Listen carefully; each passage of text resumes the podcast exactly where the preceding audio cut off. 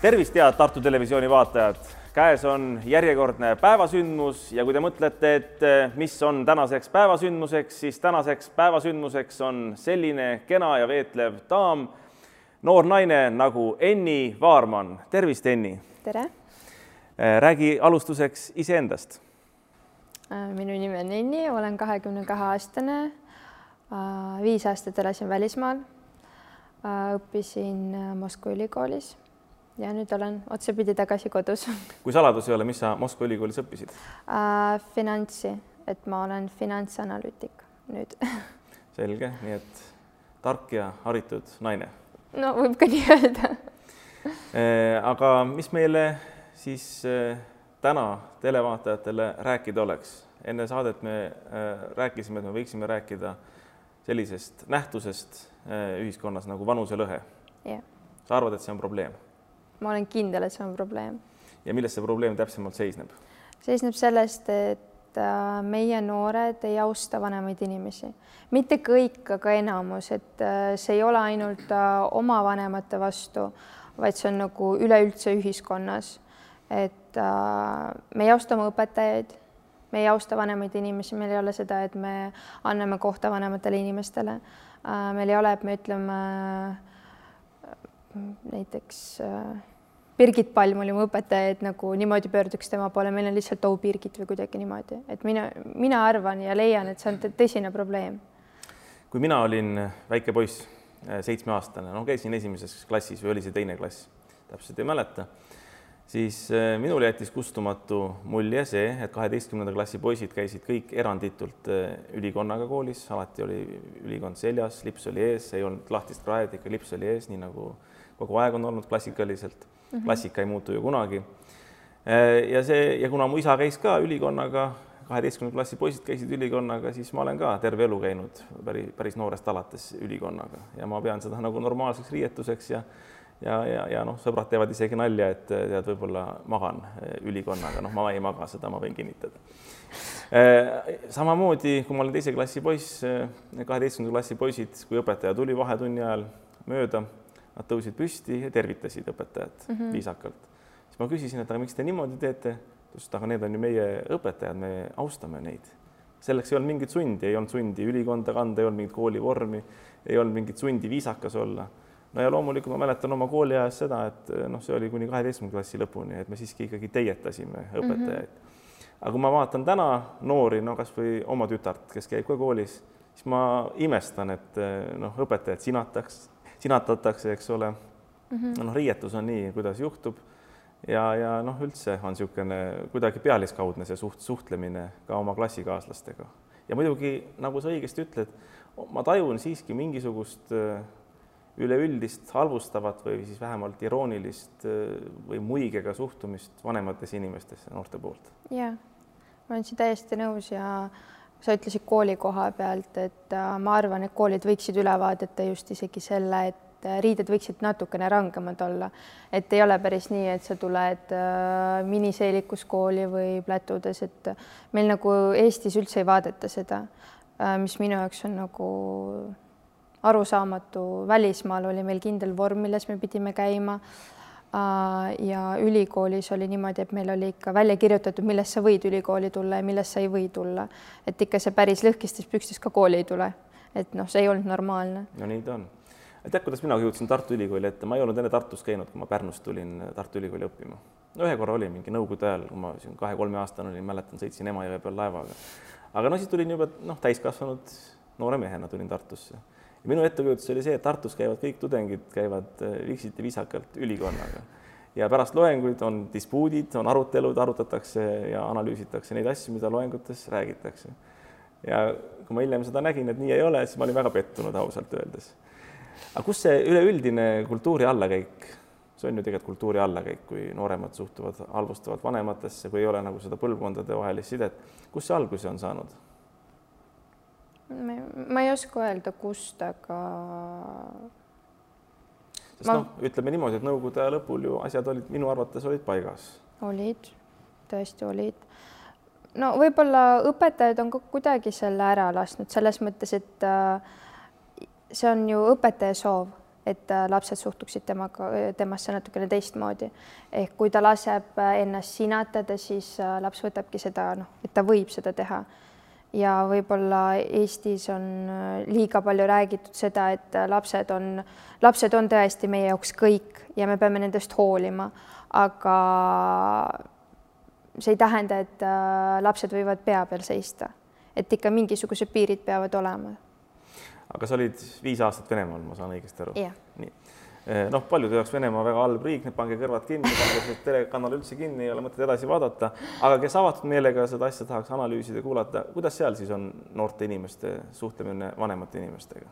täiesti teistsugune, kõik hoiavad, äh, pered hoiavad koos üksteist äh, äh, traditsioon on iga nädalavahetus käia vanaema juures, mitu korda päevas helistatakse vanematele, küsitakse, kuidas sul läheb ja vanem põlvkond on kõik nende jaoks, sest meil oli koolis isegi selline tund, et äh, ma lihtsalt lõpetasin üheteistkümnenda klassi seal, et lõpuklass mhm. oli mul Venemaal äh,. meil oli selline tund, kus meil õpetati, kuidas sa pead suhtuma oma peresse, kuidas sa pead suhtuma ühiskonda äh,, kuidas sa pead suhtuma oma riiki ja vanematesse inimestesse, et vanematest inimestest on alguse saanud ja sa noh, sa pead teda austama et ilma temata poleks olnud su vanemaid, ilma sinu vanemateta ei oleks olnud sind ja sa pead nendesse nagu hästi suhtuma.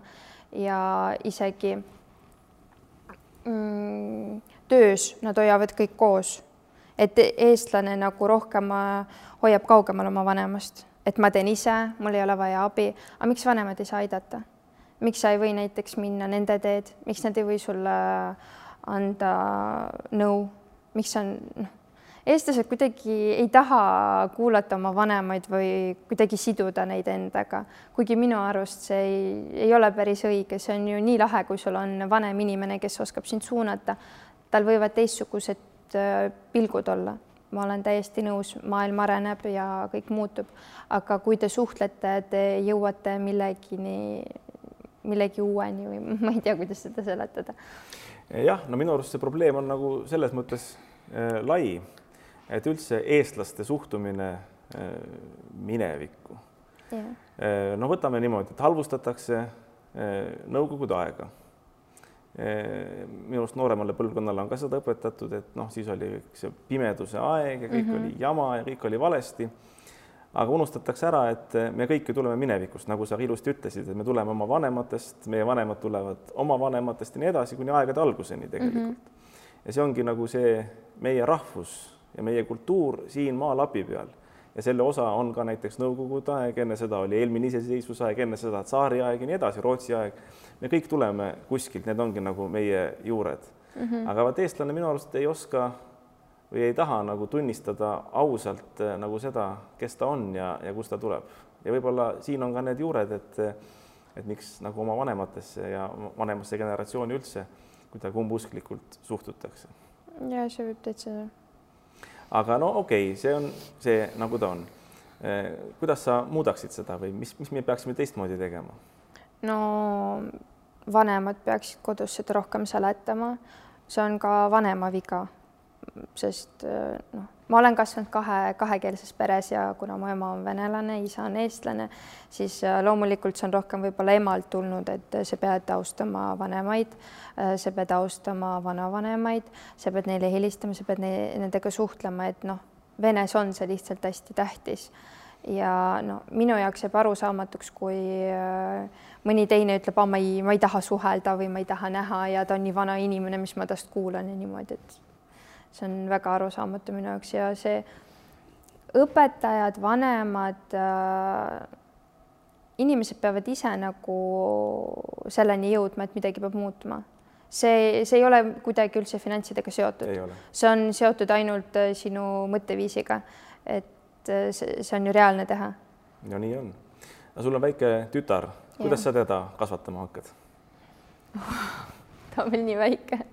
No et peab austama oma vanemaid, peab neid kuulama. sa ei pea alati nõus olema, aga mina kui ema olen ju elu rohkem näinud, et ma ei ütle ju niisama midagi, et äh, peab austama oma vanavanemaid, et äh, helistama vanaemale ja vanaisale ja käima neil külas, et äh, ei tohi ära kaotada seda. Et see on hästi tähtis ja ainult pere toetab sind tegelikult, et noh, sõbrad võivad olla ja tuttavad võivad olla, aga noh, nad ei ole alati kõrval. ei ole. et nagu praktika näitab, ainult vanemad on meie toe, toeks. jah, see on õige. no ma vaatan ka minu vanemate kodu Paikusel Pärnus, kus ma ikka käin ka nädalavahetuseti siiamaani.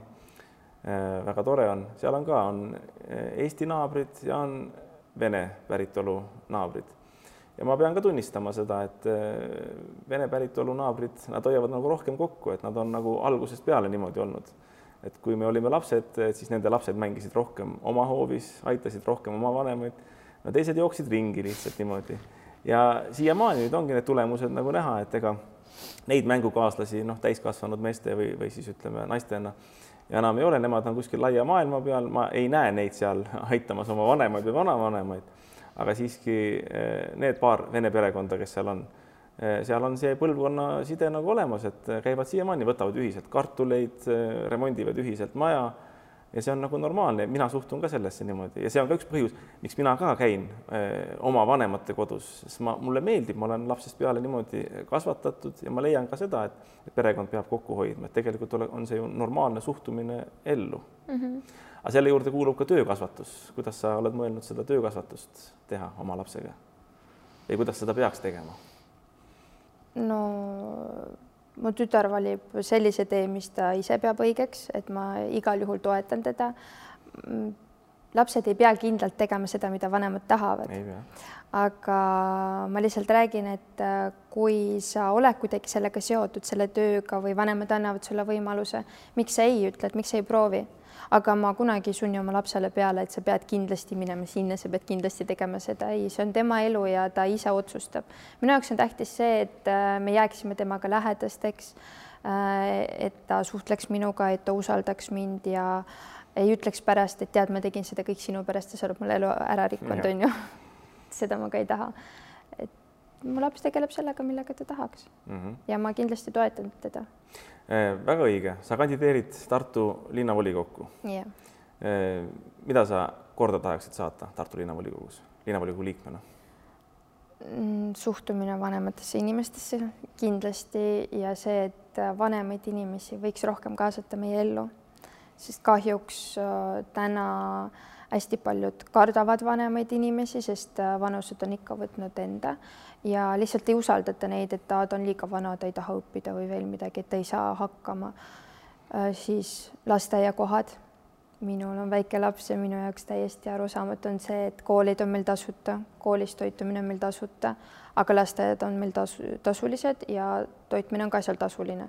et ma ei pea seda päris õigeks ja seda ei pea tegema riik, seda saab just teha linn, et see on täiesti reaalne ja transport, selle üle võiks ka veel mõelda.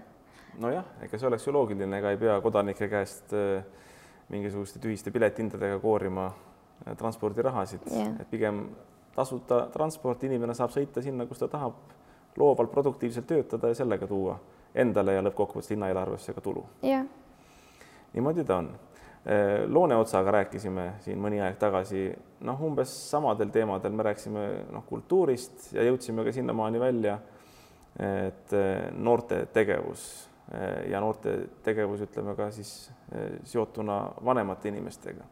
no me rääkisime näiteks noortelaagritest, et võiksid olla siis sellised töölaagrid Tartus, kus siis näiteks noored tulevad kokku ja teevad linnale meile kõigile vajalikke töid õlg õla kõrval, ükskõik millisest perekonnast, rikkast, vaesest perekonnast mm, -hmm. millise keelega perekonnast nad pärit on, et niisugust küünarnuki tunnet arendada ja ja ühesõnaga ühiseid eesmärke saavutada, no see oleks see töökasvatus mm. -hmm. aga üks mõte, kuhu me jõudsime, oli see, et aga miks ei võiks äh, olla siis Tartu linnal mingisugune selline programm nende noortelaagrite raames kus siis äh, vanemaid inimesi aidatakse nende elus, noh al, al, al, alates siis sellest, et näiteks tuuakse poest sööki inimesele mm, -hmm. aidatakse puid lõhkuda, pesu pesta yeah., midagi taolist.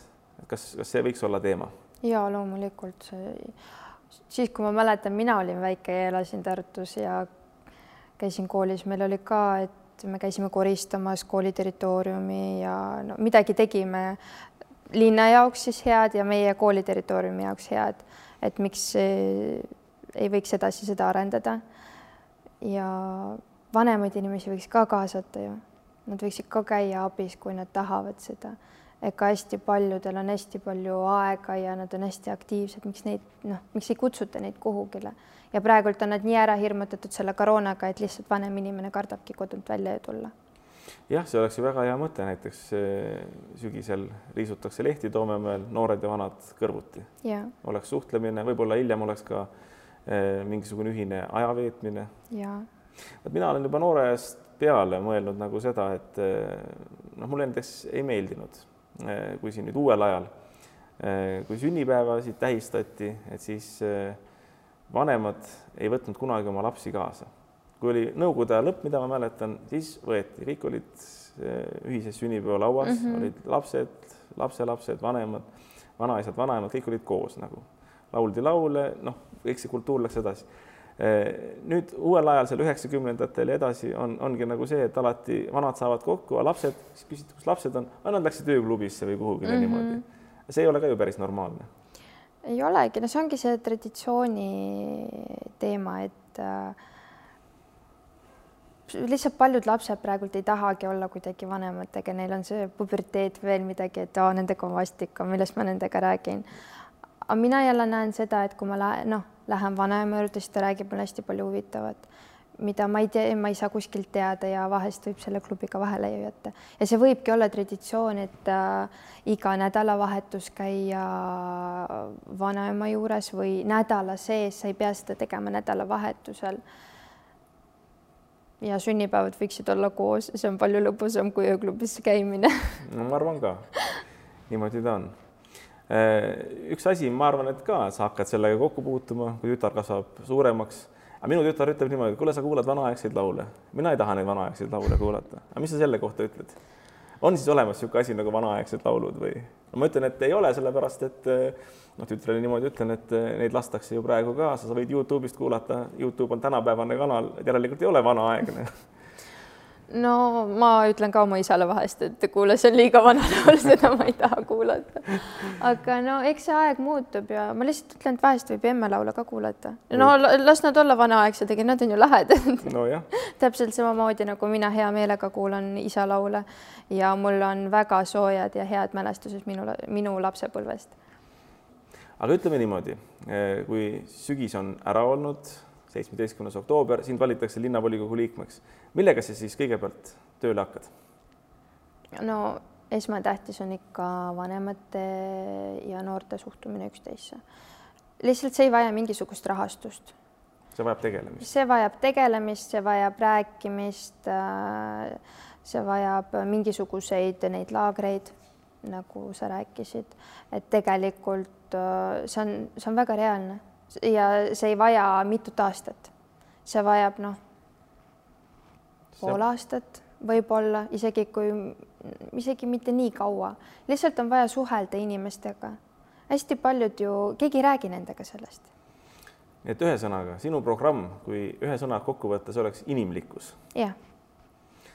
aga ma arvan, et äh, sellega võiksime täna jutu otsa kokku tõmmata, me võiksime tulevikus veel rääkida nendel teemadel head televaatajad, selline oli tänane päevasündmus ja tänaseks päevasündmuseks oli Enni Vaarmann. mõelge selle üle, mida ta rääkis ja valimistel tehke ikka õiged otsused.